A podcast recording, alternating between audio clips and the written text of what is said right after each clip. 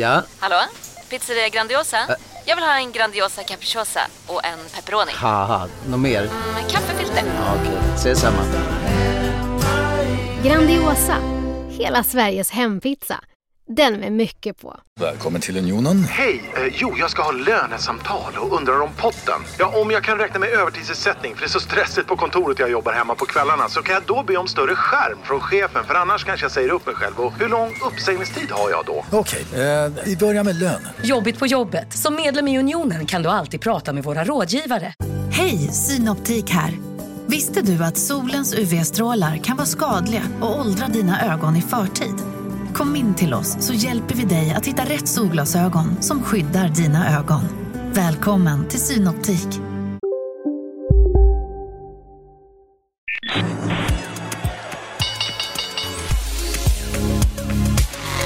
Det här är Marknaden med Helene Rothstein. Hej och hjärtligt välkommen till podden Marknaden. Jag heter Helene Rothstein och eh, var har jag kommit någonstans? Du har kommit till Ekelids förlag och eh, jag heter Bertil Ekelid. Jag grundade förlaget 1993, jobbade på Veckans Affärer innan dess och eh, började ljudböcker ut böcker här men jag fick frågan om jag ville köpa ut förlaget och då gjorde jag det. Jag tänkte jag kör ett par år och går inte för jag vill göra något annat. Men nu har vi hållit på i snart 30 år. Ja, nästa år är 30. Ja, det blir ett, ett jubileum faktiskt. Så det, nej, det, det är fantastiskt kul. Det är det. Går det bättre nu eller sämre när, jämfört med när ni började? Ja, det går eh, de senaste åren mycket bättre faktiskt. Och det tror jag beror på att vi har ja, blivit mer och mer etablerade som ett starkt varumärke, framförallt inom näringslivslitteratur. Ska vi kolla lite på böckerna, vad ni har gett ut för någonting? Ja. Maktspelet i Volvo, en skildring inifrån. Ja, det är en mycket spännande bok. Det är Hans Nyman som var chef för Volvo Stockholms kontor och senare informationsdirektör på lastvagnar. Han jobbade med Gyllenhammar en hel del och beskriver maktspelet i Volvo och spelet bakom kulisserna. Så att det är väldigt intressant, alltså en, en, en vittnesskildring kan man väl säga om någon som, någon som var med. Det är ju faktiskt ganska intressant för att annars så, eh, det finns ju mycket till exempel när det gäller sådär PG Gyllenhammar att eh, man kanske fokuserar på vdns story eller liksom den Ja. som, eh, huvudpersonens berättelse så att säga. Ja, precis. Och Gyllenhammar har ju själv gett ut flera böcker och där är det ju hans story. Och det, man märker här att det här är en annan story och det har man även sett i tv-program som har gjorts när, när andra chefer har blivit intervjuade att det inte är riktigt samma story. Breven berättar. Ja, det är en rätt så speciell bok. Eh, Ingvar Kamprad, han styrde sitt, sin miljardkoncern genom att sitta och skriva handskrivna brev som han faxade ut till, till medarbetarna. Eller han faxade ut det först till, till den som heter Staffan Jeppsson som, som är den som har skrivit den här boken, som var hans assistent. Och sen eh, skickade han eh, breven vidare till de som berördes. Och ofta handlar det om hans företags, eller hans eh, besök i, i, i de olika IKEA-varuhusen runt om i världen. Och då kanske man kan tro att eh, Ingvar kom dit, träffade chefen och var där några timmar. Men eh, så var det inte, utan han kom, han var där ofta, minst två dygn på varuhus. Han kom ofta på morgonen innan de hade öppnat så att han kunde se liksom hur det såg ut utan att någon hade ja, plockat i ordning för att han skulle komma. Och sen, och sen efter det så gjorde han en rapport om vad han tyckte var bra och vad han tyckte var dåligt och vad man skulle förändra. Som kom som i brevform. Ja, som kom i faxade då handskrivna rutmönstrade. Ja, här ser ett exempel. Polen, vårt andra hemland, står det på den här eh, brevet eftersom de ju tillverkar mycket möbler i, Polen. Det är inte så van med bilder på Jonas Kamprad faktiskt, men där är en bild på Jonas och Ingrid. Ingvar som dricker öl. Här står också ett citat från honom, Ingvar Kamprad. Att endast den som sover gör inga fel. Att göra fel är den handlingskraftiges privilegium. Den som förmår att göra om och rätta till. Ja, det tycker jag är en bra princip. Att eh, den som är rädd och inte vill göra fel, han gör heller kanske ingenting som är bra eller märkbart. Men, men alla har rätt att göra fel och gör man fel så, ja, så rättar man till det. Och det var kanske väl lite grann det hans brev handlade om att okej, okay, det här kanske inte var så bra, det här måste vi göra om. Om vi tittar, det finns eh, ett till, eh, en till titel här som börjar med makten, myten, människan. Percy Barnevik, ja. Och den här gav vi ut eh, ska vi säga, 1998. Det var väl när Percy Barnevik var på sin höjdpunkt. Han hade nyss fått eh, pris som Europas bästa företagsledare och var allmänt överskattade överallt. Och den är skriven av två journalister, Martin Haag och Bo Pettersson som har en, delvis i boken en rätt kritisk inställning till, till Percy och eh, framförallt hans resultat. Och efter det så börjar ju hans eh, storhet att eh, ifrågasättas. Så att den här hade väl lite, lite tur att ge ut när han som sagt var på sin höjdpunkt. Mm. Här ser jag också Olof Stenhammar, börsen, nuvarande börsens eh, Stockholmsbörsens eh, skapare, ska vi säga ja, så? Det kan man, ja, det kan man ju säga. Ja, börsen fanns ju förut, men han, vad han startade framför allt så var det ju optionshandel i Sverige. Ja. Han hade varit i, i USA och jobbat på fondkom, hos en fondkommissionär som, som hade sån handel, vilket var helt nytt på, på den tiden. Och sen flöt han till Sverige och ja, startade upp den verksamheten i Sverige med stort motstånd från politiker, eh, börsen själv, ja alla egentligen. Men lyckades och, och slutade så småningom med att han tog över hela Stockholmsbörsen. Sen har vi också Peter Wallenberg, eh, den förlorade sonens återkomst av Ronald Fagerfjell som är en gammal chefredaktör på Affärsvärlden. Det stämmer bra det. Och han, eh, han intervjuade ju, alltså Pirre som han kallas för, han, han eh, intervjuades av Ronald någon gång och sen efter det så verkar han ha fattat tycke för då eh, han liksom ringde upp och sa kan du inte komma bara och prata. Och det satt de och pratade, jag vet inte hur många timmar i, i många omgångar. Han, ja, han berättade helt enkelt allting. Eh, men det här var sånt som inte var avsett för publicering då. Utan då när Peter Wallenberg dog så satte vi igång med boken helt enkelt. Här ser vi en till förresten, så jag måste passa på att fråga dig. Om, om någon lyssnare kan gissa. Han har nu engagerat sig i skattefrågor. Ska vi säga någon mer ledtråd? Ja, eh, han var även en stor företagsledare för ett av våra allra mest framgångsrika och lönsamma företag. Lastbilsföretag? Lastbilsföretag kan jag säga. Eh, Leif Östling givetvis. Eh. Och, och, han var också ett tag ju ordförande va? för Svenskt Näringsliv. Ja, han var ordförande för Svenskt Näringsliv och han har ju också varit chef inom Volkswagen-sfären. Mm. Eh, och eh, han har då gett ut en bok här hos dig som heter I backspegeln. Min tid i Scania, Volkswagen och Wallenbergsfären. Ja, och det är... Ja, man ska inte skryta själv då, men det är en väldigt bra bok för han Leif är, är ju väldigt uppriktig och eh, frispråkig och han säger som det är. Och, och en av, eh, ett av det som är mest, mest intressant med, med, boken tycker jag, det är ju liksom just den här ja, maktspelet inom Wallenbergsfären då när, när Volvo försökte ta över Scania och att det skedde utan Peter Wallenbergs eh, kunskap och till hans ilska kan man även säga. De hänger ihop lite grann, eller maktspelet i Volvo? Ja, lite och... kanske. Även Gyllenhammar var ju innan och det här, det här hände på... Det var Leif Johansson som, som var, var vd då och, och visade sig att han hade i sin tur pratat med, med Marcus Wallenberg, gjort upp det där utan att Peter Wallenberg som ändå var hedersordförande i Investor fick reda på det och ännu mindre Leif Östling fick reda på det på en, på en bilmässa i, i Frankfurt tror jag det var. Eh, lite chockartat. Men så det skildrar det, det spelet, så det, den fick mycket uppmärksamhet och har sålt eh, väldigt bra. Varje år, hur eh, ni landar på ungefär 10 miljoner kronor i år eller lite drygt? Ja, ja det stämmer bra. Det, vi ligger kring 10 miljoner varje år. Och eh, hur ser marginalen ut? Ja, i år blir det efter finansnetto en och en halv miljon i vinst. Det är bra.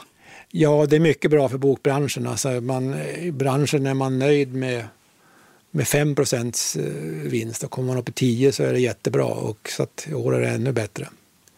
Hur kommer det sig att ni har nästan dubbelt så bra marginal då jämfört med snittet? Ja, det vill jag inte säga. Det här är ju bara något, de senaste åren, men det beror på att vi är väldigt nischade på näringslivsinriktade böcker och plus att vi gör memoarbiografier som också säljer bra och att vi är en liten organisation. Vi är bara två som, som jobbar här och det innebär att vi inte har så stora fasta kostnader som många andra förlag har. Vi har ju pratat om några böcker här. Vilken är storsäljaren? Ja, det är utan tvekan Fredrik Eklunds eh, Sälj. Konsten att sälja vad som helst till vem som helst. ja, den, den, det var väldigt intressant. Jag hade inte räknat med det, men den har faktiskt sålt i 100 000 ex. 100 000? Ja, och det är ju väldigt mycket för en sån, sån här bok. Och han har, han har då gjort sig ett namn som fastighetsmäklare och eh, också tv-stjärna ju, i USA. Ja, vilket väl är hemligheten bakom framgången. Han, han kom ju till USA med två tomma händer som man brukar säga för eh, och etablerade sig som, som eh, någon slags toppmäklare i New York och var även med i programmet Million Dollar Listing som har gått eh, många år ända fram till nu tror jag. Och han var uppenbarligen känd, den gick i TV3 så han var kanske inte känd hos den så stora publiken men han var väldigt känd, han var väldigt känd i en speciell målgrupp och uppenbarligen var det de som köpte boken. Kanske också folk som är intresserade av att sälja? Ja, ja, alla som är intresserade av att sälja oavsett vad. Eh, och eh, vi har aldrig varit med om något liknande. När vi var på Akademibokhandeln och han presenterade boken så var det 400 pers där. Vak, det, vakterna fick stoppa folk för att man fick inte ta in fler på grund av brandsäkerhetsskäl. Men var det självklart? Fattade du detta innan? Hur, den har fyra år på nacken, fem år eller något sånt? Det är nog det. Ja, 2016, så det är sex år. Sex år?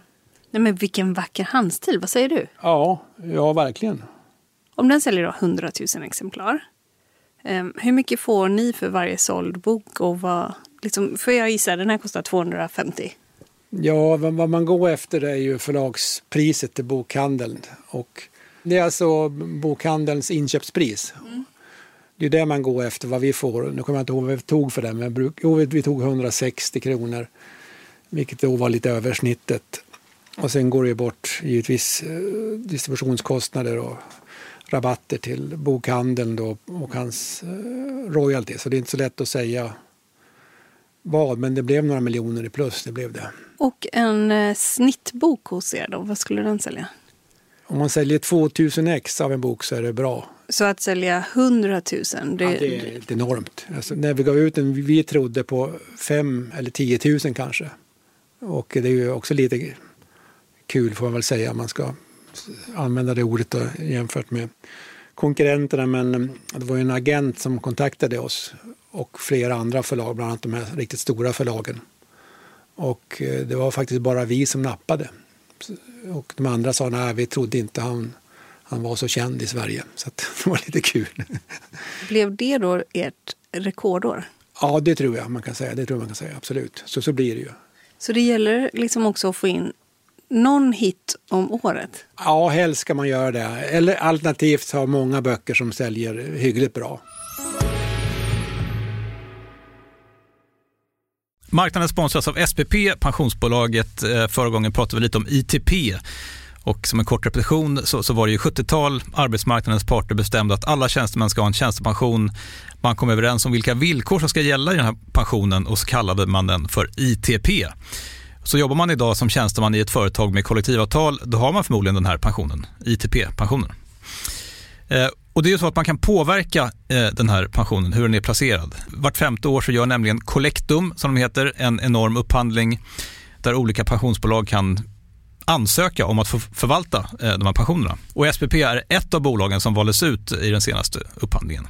Och sen kan du som pensionssparare välja vilket av de här olika pensionsbolagen som, som då ska få ta hand om dina pengar. Och tanken med den här upphandlingen är ju att liksom kvalitetssäkra de här olika alternativen eh, men också att förhandla fram stora rabatter så att pensionsspararna ska få ja, kunna spara pengar genom att avgifterna eh, som är så viktiga eh, blir eh, lägre. Och vill man välja någonting i ITP-systemet då finns det en relativt ny sajt som heter avtalat.se. Ehm, där kan man gå in och se hur sin ITP-pension är placerad. Jag gjorde det häromdagen faktiskt. Ehm, idén är att hälften av pengarna alltid ligger i något som kallas för traditionell försäkring. Det här gjorde vi ett avsnitt om i podden Kapitalet nyligen eh, som vi kallade världens bästa sparform. kan man lyssna på om man är intresserad. Eh, den andra halvan eh, den kan man också lägga i en traditionell försäkring eller så kan man placera det i något som kallas för fondförsäkring. Eh, SPP som sagt eh, var ju ett av de fåtal bolagen som valdes ut i den senaste upphandlingen och de finns med som alternativ både med en traditionell försäkring och med eh, fonder. Så det var en liten bakgrund till ITP-systemet. Vill man läsa mer om det här eller typ kolla hur ITP-pensionen är placerad, eh, kanske göra förändringar, då går man in på avtalat.se Eh, men tack säger jag till SPP som vill göra oss människor mer medvetna om hur enormt viktig pensionen är för oss som en framtida lön, men också som en positiv kraft i samhället eh, och förstås för att ni möjliggör eh, den här podden Marknaden. Du lyssnar på Marknaden med Helene Rothstein. För de som lyssnar på podden så ser vi också en annan bok här som är författad av Segerfrid tillsammans med Ulrika Fjällborg. Och den heter Bakom börsens kulisser. Hur gick det till när den kom ut? Ja, han kontaktade mig, mig helt enkelt och det var väl av det skäl som jag kanske har nämnt tidigare att vi har ett starkt varumärke så folk som vill ge ut böcker inom den här branschen de, de kontaktar nog oss i, i första hand. Jag, jag tänker också som med, med dig till exempel. Du har läst väldigt mycket ledarskapsböcker, väldigt många vd-böcker och redaktörat. Vad har du eh, tagit med dig från det? Lär du dig något liksom varje gång eller finns det någonting du tänker? Ja, det är ju det som är fascinerande med att vara bokförläggare. Att dels träffar du väldigt många olika eh, personer, så man får ju ja, träffa många spännande personer. Och dels får man ju inblick i väldigt eh, många ämnen. Det är väl ungefär som att vara journalist. Man, man, kan, eh, man kan eh, lite och mycket kan man säga. Så att, absolut. Men hur är det då att redaktöra, om det är någon som har bestämt väldigt mycket, inga namn nämner då, men om det är någon vd som är van att bestämma och man kanske och faktiskt ganska liksom smart person och så, men man kan inte riktigt skriva. Hur är det att jobba ihop eller mot ja, en sån person? Det, det, är inte så svårt för som regel så skaffar de sig en, en så kallad spökskrivare, alltså någon som skriver boken. Och då är det oftast någon journalist eller liknande eh, skrivkunnig person. Så, att, så just det är inte så svårt. Nej, det, det brukar nog alltid fungera. Va, vad brukar vara svårt då? Ja, vad som är svårt med författare i allmänhet, det kan ju vara att, att eh, ja, man har lite olika åsikter om, om saker och ting, hur det ska göras helt enkelt. Och det, ja, det kan bli många diskussioner och många tror att just deras bok ska bli en bestseller, men så är det ju inte. Alla böcker blir inte det. Så det, det handlar väl om att försöka förklara för dem hur det fungerar i bokbranschen.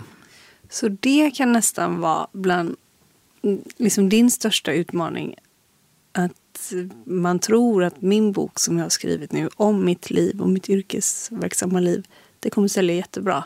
Ja, absolut. Så det, därför handlar det om att ha rimliga förväntningar. För det är oftast, som du vet, du har ju varit på affärsvärlden och vet hur, börsen fungerar. Om, om Volvo gör eh, 5 miljarder resultat i ett kvartal så kan man ju som utifrån tycka att det är jättebra. Men så går börsen ner och det beror ju på att Ehm, börsen eller fondkommissionärerna trodde att den skulle vara 5,5 miljarder.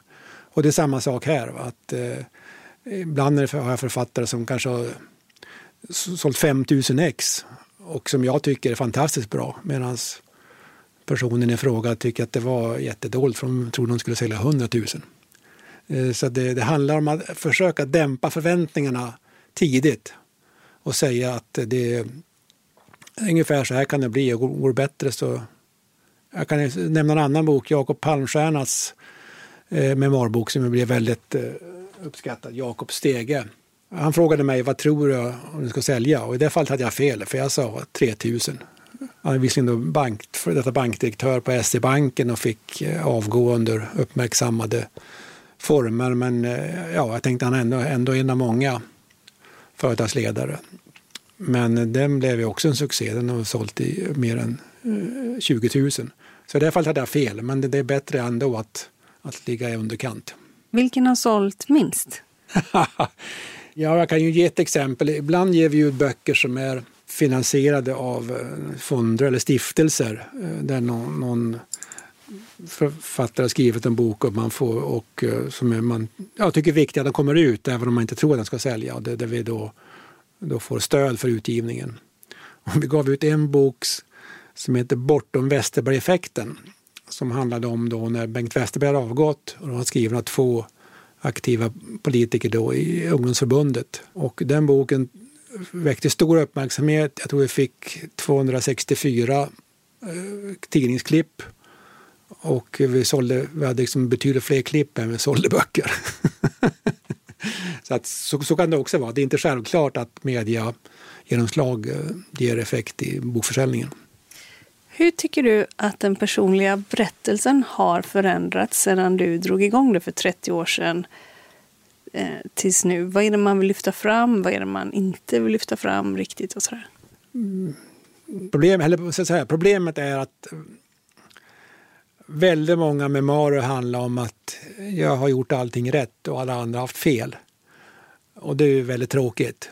Eh, så det, det som jag... Det, det är tråkigt för alla andra? Ja, det är tråkigt, ja, visst, för alla andra som, som ska läsa det, för så kan det inte riktigt vara. Och ibland får jag sådana manus som jag tackar nej till av det skälet, för att det finns ingen spänning, det finns ingen dramatik, inga konflikter, allting har bara liksom flutit på som på en eh, räkmacka och det, så är det ju inte.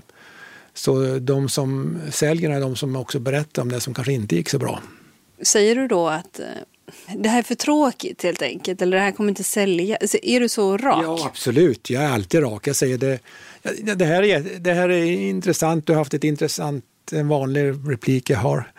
Du har haft ett intressant liv, men eh, tyvärr tror jag inte den här boken kommer att sälja. Och det tycker jag är uppriktigare. Jag vet att många andra förlag kanske säger ja, vi har inte utrymme just nu eller någon sån där liksom mer svepande förklaring. Men jag, jag är mer brysk och säga det här, det här, det här kommer inte att sälja. Har du själv tackat nej till någon storsäljare? Ja, säkert. Nu har jag hållit på 30 år, så det är inte lätt att komma ihåg allt. Men jag kan ju nämna ett, ett exempel från en helt annan bransch. Vi har även gett ut en del idrottsböcker, bland Glenn Hussein till exempel. Och en del andra idrottsstjärnor som också säljer bra. Så det, en annan framgångsfaktor är ju om du, om du är mycket känd så säljer du, så, så är det. ju. Och så fick jag en fråga om en som kanske inte du heller vet vem det är. Per Karlsson som var han alltså högerback i, eh, nej, mittback i AIK under jättelång tid, om det var 20 år minst. Välkänd inom, ja, inom fotbollsbranschen självklart. Och då fick jag förfrågan om jag ville ge ut den, men jag sa nej, men han, han är inte tillräckligt känd hos någon bredare allmänhet, så jag tror inte han säljer. Han är rätt ja, anonym som person också, ingen sån där som sticker ut som Glenn Hussein till exempel. Och sen såg jag det var Marcus Birro som frågade mig och sen såg jag hans Facebook då, att Per Karlsson hade varit på, på Libris för boksignering och signerat 2000 förhandssignerade böcker. Så det insåg jag, ja, här har jag gjort ett misstag. Vad det gäller just när det är just med personer, dels har du lärt känna dem och sådär. Finns det någon annan, vad ska man säga, någon ledarskapsfilosofi eller något liknande som du har tagit till dig som du tycker, men liksom gemensamt för alla de här 600 böckerna som du har gett ut? Det är 600 va? Ja, drygt 600. Ja. Jag skulle ju kunna vara lite elak och, och sammanfatta nästan alla ledarskapsböcker och det är helt enkelt att eh, de går ut på att eh, man får medarbetarna att, att göra som man vill. Eh, helt enkelt. Det, det är det det handlar om. Alltså. Och det, det, är ju helt rätt. Alltså att man, man måste få de anställda med sig på, på vagnen. Men det, det, är ungefär det alla, alla handlar om, eller de flesta handlar om. Och så finns det olika trick för det menar du? Ja, trick behöver det inte vara, men metoder. Och, och många författare har sina modeller och eh, ja, som säkert fungerar bra. Som är fascinerande tycker jag att det finns så många konsulter som har så många olika modeller och alla tycks fungera. Så det, det är bara bra det. Men kan man säga något annat? Eh, så här gjorde jag så fick jag med mig alla. Så ska du göra så att medarbetarna gör som du vill. Så sammanfattar du ledarskapsböcker. Ja. Men, och jag tänkte också på de här böckerna där det är liksom en vd som eh, pratar, alltså den riktiga ledarskapen, inte någon utifrån utan eh, eller entreprenörer. Mm. För du kan säga alltså antingen om entreprenör, om du kan säga någonting om entreprenörer eller ledarskapet som folk skildrade. Ja, det var en som inte står här så är det, gav även ut en bok av Jonas och Robert uh, af Jokknik på Oriflame.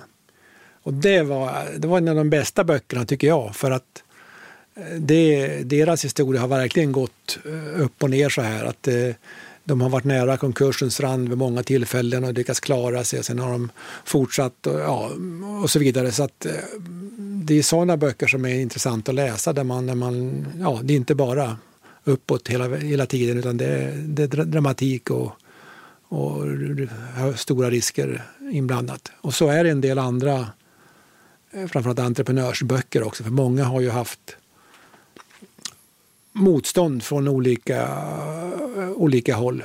Jag har gett ut några böcker om entreprenörer inom eh, sjukvården som ju då började starta till exempel Mamma Mia då när det var, fick ha privata företag och som blev motarbetade av, av politiker, beslutsfattare, läkare, Socialstyrelsen, alla. Och vi gav nyligen ut en sån bok av Shori Sand också som, som eh, invandrare från Iran som startade ett, ett företag och eh, blev också motarbetad på samma sätt men som, som eh, lyckades väldigt bra. Startade Avesina Group som blev rätt stora inom, inom den branschen. Så det, det tycker jag är kul, att entreprenörer som lyckas trots stort motstånd från väldigt många. Och det är en annan story än de som är i toppen av ett företag, tjänstemännens historia. Ja, precis. De har ju varit anställda, de har ju inte tagit några personliga risker eh, som regel. Så det, det är en helt annan, eh, annan story. Utan då handlar det mer om ja, hur man driver företaget och, och sagt vad får medarbetarna med på tåget. Leif Östlings handlar ju en hel del om, han införde lean till exempel eh, på, på, efter modell från Toyota på Scania, vilket är en, av framgångsfakturorna till, till, eh, till Scania. Och det var inte så lätt att få alla medarbetare med på det tåget, men han skildrade det. Så det är andra typer av, av eh, problem eller utmaningar kan man ju säga som de har jämfört med entreprenörer som ibland får slåss mot allt och alla. I procent, hur mycket får ni och hur mycket får författaren för varje bok? Ja, man går, man går efter förlagspriset eh, och där brukar författarna få 20-25 procent av, av förlagspriset. Och ni får? Ja, vi får ju på ett sätt resten, men vi har ju kostnaderna då för vad jag nyss berättade om alla formgivare och, och redaktörer och tryck och sånt där. Så att, eh, det, det, är lite svårt att säga. Men kan man säga 50 ungefär? Ja, det, vi får nog absolut minst 50 i alla fall. Ja. Ser ni vissa utgivningar och så här, nästan som riskkapitalbolag att man liksom det som blir, det blir? Eller du vet ungefär innan?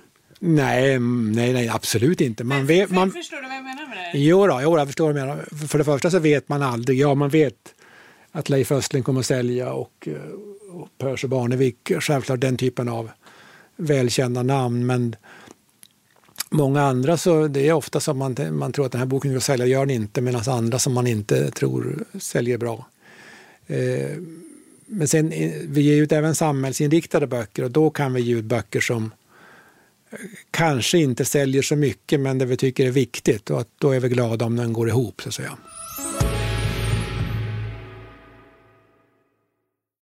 Eh, marknaden sponsras av Karla. Eh, vi pratar ju en hel del om bilar här på kontoret. Eh, karla har ju skapat, skulle jag säga, det som är standarden för hur man idag köper och säljer bilar på nätet. Kort bakgrund bara. Karla säljer och leasar begagnade elbilar och laddhybrider på karla.se. Alltså en helt digital upplevelse. Och man har gjort det här med ett nästan maniskt fokus på vad en bilköpare faktiskt behöver. Jag gjorde ju en intervju med en av grundarna, Patrik Illerstig, i marknaden här eh, ganska nyligen, eh, daterad 25 mars, om man vill lyssna på den. Eh, men där berättar han hur de kom in i det här lite från vänster för att försöka uppfinna hela den här liksom bilköpupplevelsen från början. Och de har idag, vilket är rätt otroligt, 4,8 i betyg eh, på Trustpilot. Jag, jag har sett många företagssidor på Trustpilot, men det här är nog bland eh, det bästa jag någonsin sett faktiskt. Man kan sälja bilen till Karla också. Eh, då går man in på karla.se, delar lite info om bilen, sen får man en gratis värdering och ett bud. De hämtar bilen helt gratis i hela Sverige och så har man pengarna på kontot i samma stund som de hämtar bilen. Det är grymt. Eh, så ska du köpa en ny bil eller sälja din gamla, eller båda delar för den delen, gå in på karla.se och eh, kolla. Alltså karla.se och Karla stavas med C. Tack så mycket till Karla. Du lyssnar på Marknaden med Helene Rothstein.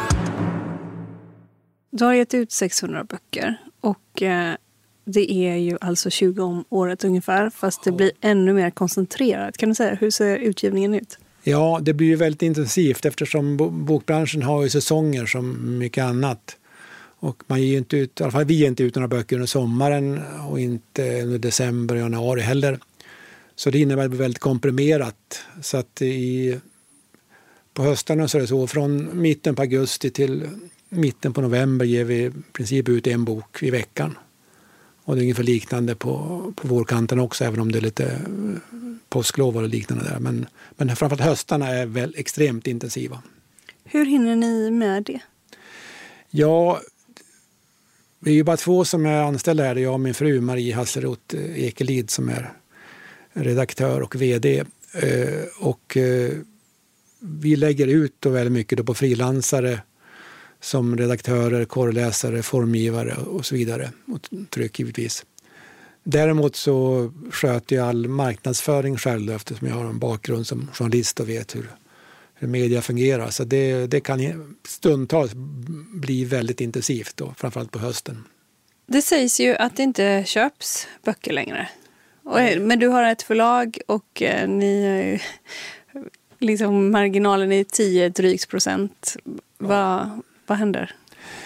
Ja, det finns olika sätt att se på det, men om man börjar med oss så är vi ett eh, nischat förlag inom ett, ett speciellt område och där vi är rätt stora. Ibland brukar jag säga att vi är marknadsledande inom det. Om det stämmer vet jag inte, men, men, men vi är stora i alla fall in, inom den här affärsinriktade eh, sektorn. Eh, så att på så sätt så har det gått bra. Men sen den allmänna trenden i bokhandeln är ju som du mycket riktigt säger att, att framförallt ja, de här som vi tittar på nu, pappersböckerna, de, de säljer inte något, säljer mycket mindre. Det har gått ner sedan 2009 och fram till nu kan man säga. Vissa år har det varit utplattat men, men, men, men i princip har de gjort det. Och det som ökar nu är ljudböcker. Kan du förstå det? Jag kan förstå det på ett sätt, att det är väldigt praktiskt. Jag, jag lyssnar själv på ljudböcker när jag går till jobbet till exempel. Eh, för det är tid som man inte kan utnyttja till något, eh, något annat. En del säger att de, de lyssnar på ljudböcker när de städar eller gör något annat tråkig syssla i hemmet. Så att, nej, jag har full förståelse för det. Eh, och jag tycker ändå att det, att det säljs tillräckligt mycket mm, traditionella pappersböcker. För det här med bokens död, det har man pratat om under hela tiden jag har varit med och även innan. Så att det, det händer inte. Folk vill ha pappersböcker. Det kan jag säga som exempel Fredrik Eklund. Alltså de köpte den boken, de var, skulle jag tro, mellan 18 och 30 år, alltså yngre människor. Och om man tittar på den fysiska boken så har den sålt i 100 000 det finns även som e-bok och det har väl sålt ja, några enstaka tusen. Så med andra ord, även yngre människor tycker att det är eh, bra med pappersbok. Så det är på ett sätt glädjande då att, det, att även den kommande generationen kommer att läsa pappersböcker. I varje fall så länge jag håller på. Vad tänker du om det att folk, eh, när de ska läsa generellt då, att de framförallt tycker om deckare och skräck och så kommer du liksom med någon stor omvälvande historia om något som har hänt Sverige och svenskt näringsliv. Sådär. Vad tänker du kring det? Ja, jag, har, jag tycker nog att jag har förståelse för det. Jag menar, folk, det, det, du nämner är ju sånt som säljer bra som ljudböcker, deckare och eh, kriminalhistorier och, och skräck. Och det är väl helt enkelt folk vill ha förströelse och jag har inget att, att säga om det. Jag läser själv deckare på kvällarna så jag har inget att, att, att, klaga på faktiskt eh, på det sättet. Så att, och vi klarar oss ju bra ändå. Så att, eh. och eh, nu sa jag det som sålde bra inom ljudbranschen. Och om man då säger pappersboken, vad är det som säljer bra där? Ja, det är ju väldigt enkelt. Väldigt kända personer. Jan Guillou, Leif GW Persson, Camilla Läckberg, eh, Mat-Tina på, på sin tid. Ja, alltså den typen av mycket kända personer. Vad tycker du om det? Jag tycker det är bra att, att Guillou och Persson säljer eh, böcker. Det har jag inget att, uh, att säga om. Däremot en annan trend som kan vara lite tråkig är att till exempel det är många kändisar som ger ut kokböcker. Och jag har lite svårt att tro att de själva har suttit och skapat alla recept utan det handlar om att de sätter sitt namn på en kokbok och det, ja, det kanske är lite mer diskutabelt kan man väl säga.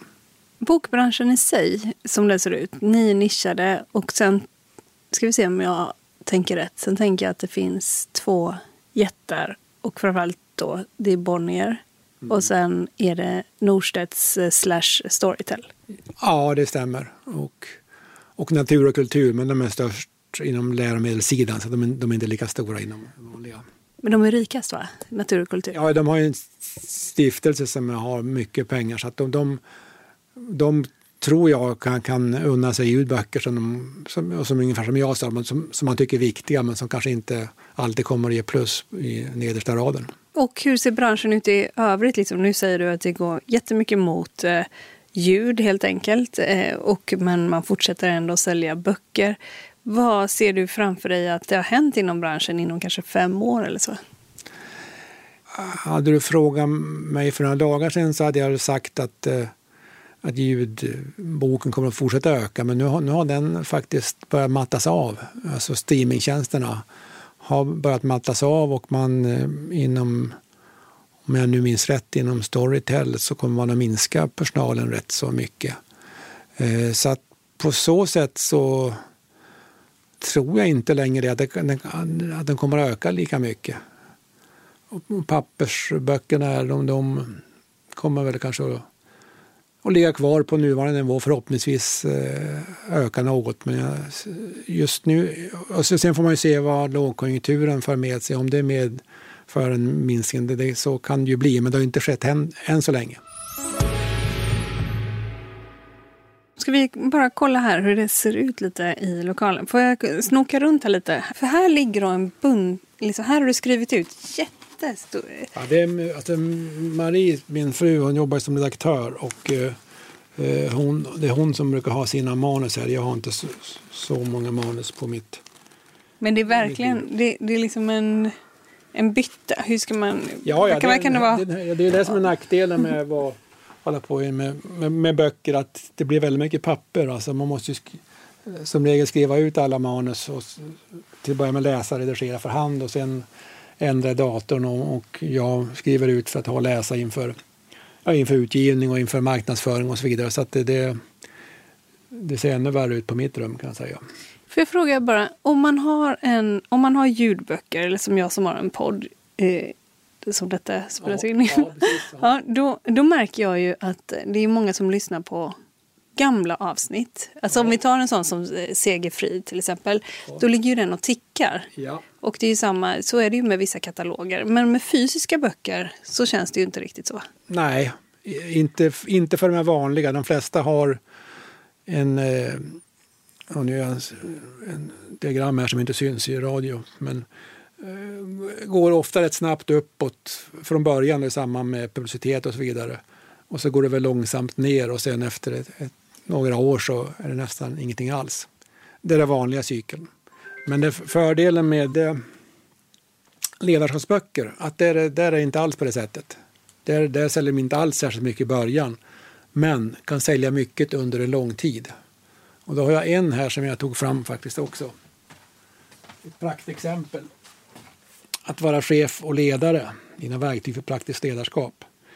Den här gavs ut första gången 1997 och har sålt i 80 000 ex och säljer fortfarande eh, mellan 1000 och 2000 per år.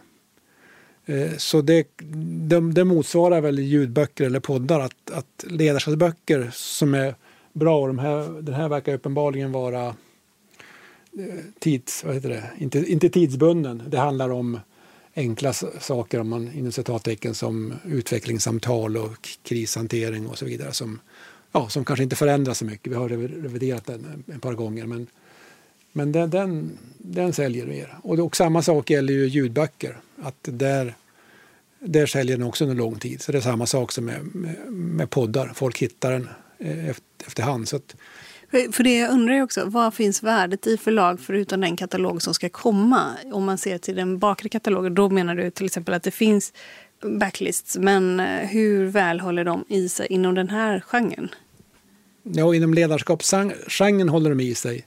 Inom den här biografigenren inte lika mycket, men ändå. Leif Östlings bok som gav ut för var fyra år sedan Eh, den, eh, ja, den säljer fortfarande, ja, nu, nu säljer vi den mest i, i pocket, men, men eh, det, det går att sälja den typen av böcker under rätt lång tid. Här så ser jag också en bok som är Urban Bäckström. Jajamensan, han var chef för Riksbanken. Och han har skrivit tankar om aktiesparande. Har du gett ut många böcker som handlar om hur man ska tänka kring börsen? Ja, inte många, men några har vi gett ut. Och det, det, kan jag säga också. Det är också böcker som har sålt väldigt bra och som även där säljer under lång tid. För det är också, det är ju, även där det är ju inte aktuella saker utan det är även där om, om ja, metoder för börsplacering eller en slags grundkurs eller vad man kan kalla det för. Så att den, den insikten är ju, gäller ju längre tid. Men ska vi gå och kolla här ute då bara hur det ser ut. Här lämnar vi detta rum som du kallar det för. För mig ser det ut som ett arbetsrum. Du ja, kallar det är ett arbetsrum som numera har blivit lite, lite grann av ett eh, lager som man ser stora kartonger med böcker där och så vidare. Men det, det, det är ett arbetsrum med, med eh, ja, lager kan man väl säga. Och här ser jag en massa CD-skivor, men det verkar vara sådana man spelar in på ganska mycket va? Nej, det är, det är alltså, det är alltså korrektur som, som vi gjorde eh, innan, på den tiden man gjorde CD-skivor. Så här ser vi till exempel spelet om Volvo. Ja, Marcus Wallenberg ser du där också. Makten över Ericsson har vi också gett ut en bok som. Eh, numera gör man inte sånt utan allting finns ju lagrat på annat sätt. Det är jättefint ju. Ja visst, Nej, alltså, det, på ett sätt var det bra. En dubbel-CD, makten, och, uh, makten över Ericsson. Och här, vem har vi här? Kjell-Olof Feldt. Ja, just det, det här var den första vi gav ut om honom. Det blev ingen storväst. Det är alltså en memoarbok som handlar om hans uppväxt i, i Västerbotten där han, uh, hans pappa var väl uh, arbetade på, på bruket där i, om det var Holmsund. Jag kommer inte ihåg exakt nu. Men, men alltså utanför Umeå? Utanför Umeå, ja. ja. Och så var meningen att han skulle också få en stor väst och börja jobba på, på bruket som alla andra gjorde. Men det ville inte han, utan han tog tåget till Uppsala sen när han blev myndig och, och eh, började en helt ny bana. Och här ser du, här är ditt rum. Här, här var lite stökigt. Får jag gå in och snoka lite? Ja, du går in och snokar bäst. Ja. Där är inga problem. Här är hur mycket papper som helst. Ja, det här är min skamvrå kan man säga. Det är sånt där som jag lägger så det, det kan vara bra att ha men jag vet inte riktigt var jag ska sortera in det. Och sen när högen växt, och det har väl om man ska skylla på någonting så är det ju att som du var inne på så vi ger ut 20 böcker i snitt. De senaste åren har vi gett ut 25 Ibland 29 böcker tror jag var rekordet. Och det är klart, då håller man på med det hela tiden och då blir det att, att sortera papper, det är inte högprioriterat. Men jag, jag, ska, jag ska göra det, eh, har jag sagt nu här före jul, får se om jag lyckas. Det går rätt fort för man kan nog slänga det mesta men man törs ju inte slänga alltihop, man måste ju titta på dem. Du lyssnar på Marknaden med Helene Rothstein. Får jag fråga, um, hur gammal är du ungefär? Jag är 69.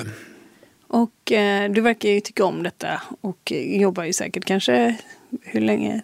10 år till? 12, 15? Ja, jag vill inte ta ut något i förskott utan jag har sagt, eh, alltså för det första så tycker jag att det är väldigt roligt och att det går väldigt bra. Så på så, så sätt ser jag var, ingen anledning, anledning till varför jag skulle sluta. Men eh, ja, ja, ja, vi tar några år till, sen får man se. Jag, menar, det, jag vill inte göra några tioårsplaner. Det, men ett antal år till blir det utan tvekan. Men vad har du tänkt ska hända sen? Har ni barn eller vad har du tänkt ska hända sen? Ja, vi har en son som är eh, 23 men han vill bli sportjournalist så att det här tror jag inte är något för honom. Nej, det har jag faktiskt inte. Det, det vet vi inte idag. Om vi ska sälja förlaget eller om man ska göra på något annat sätt. Vad kommer till vår? Ja, vi kommer ut med en bok om Läkerol, Läkerolfamiljen. Ahlgrens bilar? Ja, precis. Eller familjen Ahlgren, eller? Ja, ja den heter Läkerolfamiljen helt enkelt. En resa med Ahlgrens bilar är under titeln. Eh, och det här är skrivet av en av bröderna Ahlgren, de var fyra bröder, så att det är den yngste brodern. Och den handlar som du ser här på klippet, Läkerolbröderna i öppen strid, så det handlar rätt mycket om, om det, om familjefejder helt enkelt. Eh, så att det inte alltid varit, även om det Läkerol är extremt välkänt och, och Ahlgrens bilar har ju sålt hur mycket som helst så har det inte alltid varit frid och fröjd bakom kulisserna där.